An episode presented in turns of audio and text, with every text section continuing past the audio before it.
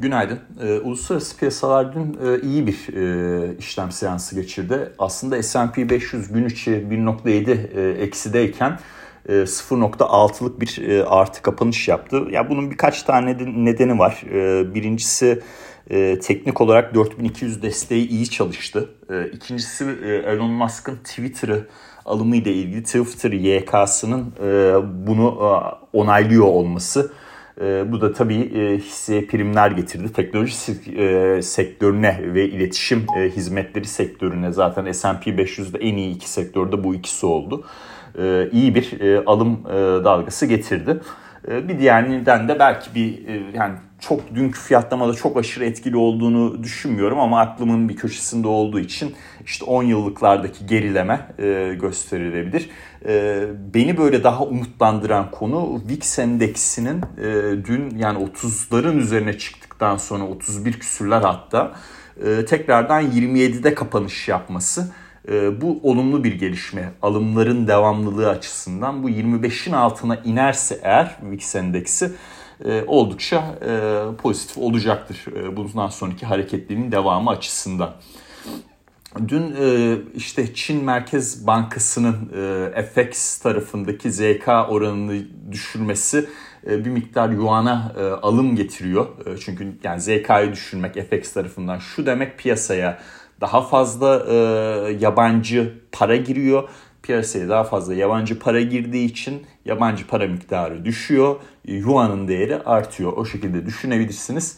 Ee, genel olarak piyasadaki Asya seansındaki risk algısındaki toparlamanın da bir miktar etkisi budur diye e, düşünüyorum. E, çünkü oradaki yuandaki değer kaybı e, bir miktar e, artık çok rahatsız e, edecek şekilde gelmişti. E, bu, bu hamle en azından e, artık her sene farklı kelimeler konuşuluyor. Bir sene köpük deniliyor, bir sene başka bir şey deniyor ama burada e, o yuanın e, negatif e, de çok fazla değer kaybını en azından frenleyebilecek bir e, gelişme. Yani o şekilde düşünülebilir.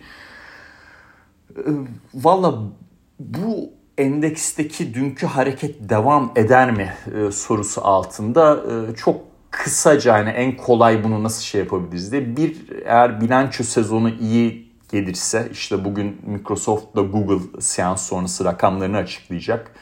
İyi rakamlar görürsek. E, iki şu VIX endeksi bir 25'in altına inebilirse. E, üç ABD tarafında işte bugün mesela e, tüketici güveni açıklanacak Nisan ayına dair. Bu da bir toplama olup resesyon risklerini daha çok azaltırsa bence gelebilir.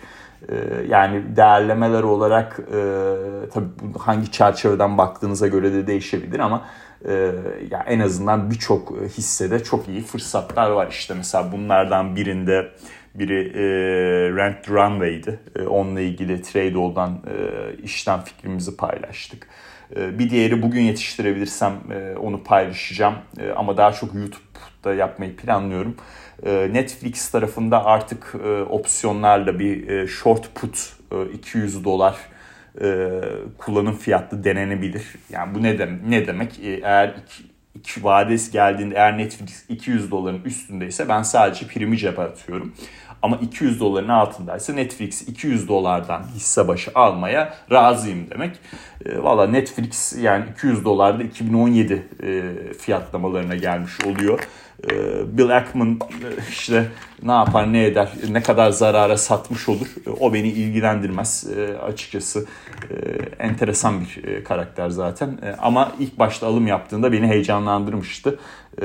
Çok bu kadar sert bir çıkış yapması tabii iyi bir şey değildi. Ama günün sonunda çok da lafı uzatmadan Netflix'in temel verileri iyi gidiyor. Yani bu üye sayısıyla ilgili görüşler büyüme üzerindeki soru işaretleri tamam anlıyorum ama bütün yani 2021 Kasım ayından beri e, kar etmedi diye e, zibillah kadar yıkıcı teknoloji şirketine dehşet gibi bir satış geldi.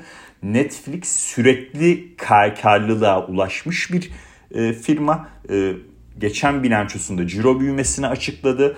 E, yani FAVÖK marjı %20'nin üzerinde. E, dışarıdan sermaye ihtiyacı yok. E, 222 milyon e, kullanıcısı var. yani e, bir tarafta kar etmedi diye satılan bir grup var. Diğer tarafta kar edip aynı zamanda ciro büyümesi içerip ya e, kullanıcı sayısı azalmış diye bir satış yiyen bir grup var. Ya biraz sanki böyle piyasa neden arıyor gibi. O nedenler de genelde böyle işte teknik seviyeler aşağılarda çalışmaya başlayınca çok da bir miktar sonra kulaklara çok gelmeye de bilir ya bu neden çok gerçekçi de değilmiş diyebilirsiniz. E, dolayısıyla bu tarz e, bir noktaya yaklaşıyoruz diyebilirim en azından. Şu bilanço dönemini e, bir sağ salim atlatabilirsek bundan sonra işte endekslerin daha fazla ileri gitmesi için bir elimizde koz olacak. Ya bu mesela Bitcoin tarafında da işte tekrardan 41 bine yaklaştık. Ee, yani orada da e, ya bir bekleyiş var e, fiyatlama açısından en azından. Ee, bakalım şu e, teknoloji bilançoları bir gelsin. Endeksleri etkilerini daha yakından zaten konuşacağız. Valla son olarak da ya çok konuşulacak şey var da e, çok da kafanızı şişirmek istemiyorum. Ee, işte altında 1892'ye gittik. Ee, yani dilimde tüy bitmişti e, diye diye diye artık. Savaş var nasıl düşecek diye. Alın savaş bitmedi altın düştü işte size bir örnek olsun. 10 yıllıklar tarafında 2.77'yi gördük. Oradaki destek de iyi çalıştı. Şu anda 2.85'iz. Yani FED sonrası biraz daha bir gerileme olabilir. E, Fed'in e, iyi derecede fiyatlanmış olduğunu düşündüğümden ötürü orayı da öyle e, kısaca özetleyebilirim. Ya son olarak şeyden bahsedeyim. Bu yani bir yorum yapmayacağım bununla ilgili. Ha durun. O son olarak ondan bahsetmeden önce ya bu Twitter olayının Tesla'ya etkileri çok soruluyor.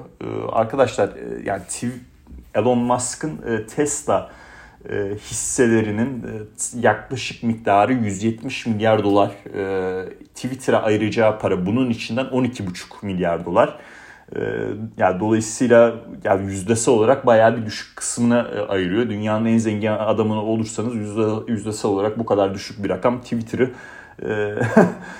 işte koyacağınız öz sermaye kısmını çıkarmanız için yeterli oluyor.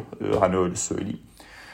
Ee, dolayısıyla bu Tesla'yı net negatif etkilemez e, bu haber. Ee, Tesla'yı sevmeyenler shortlar. Bu haber ya gördüğünüz gibi işte e, Elon Musk e, hisse satacak orayı fonlamak için falan diye de yani rakamsal olarak etkilemez yani onu söyleyebilirim.